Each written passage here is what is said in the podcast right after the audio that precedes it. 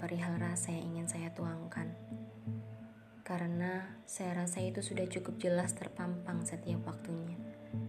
Dari setiap menggaungkan namamu di tiap doa saya, entah kamu merasakannya atau tidak, tapi saya harap semuanya terijabah oleh Tuhan. Saya tidak bermaksud lancang, tapi melihatmu menjadi kamu yang bisa lemah sering kali membuat saya terenyuh dan bersyukur.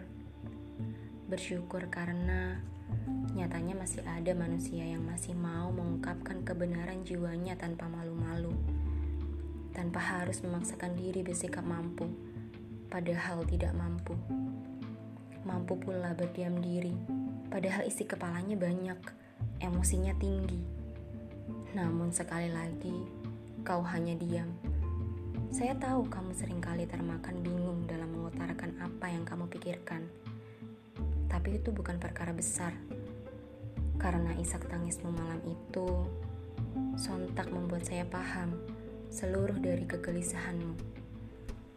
Yang malang, yang malang. Saya paham kekhawatiranmu. Banyak kau tumpuk dan sembunyikan.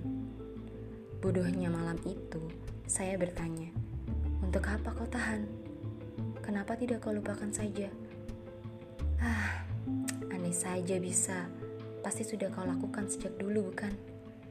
Maaf jika saya suka terlambat dalam memahamimu.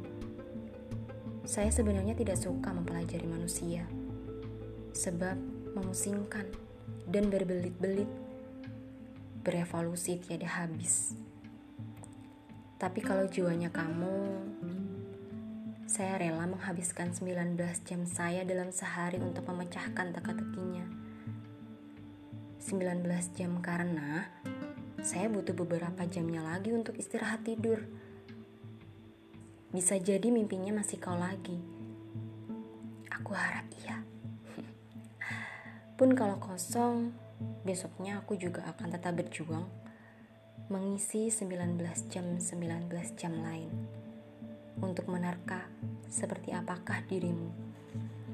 Warna apa yang berusaha kau perlihatkan dan senyum macam apa yang berusaha kau ingin aku artikan dalam 19 jam.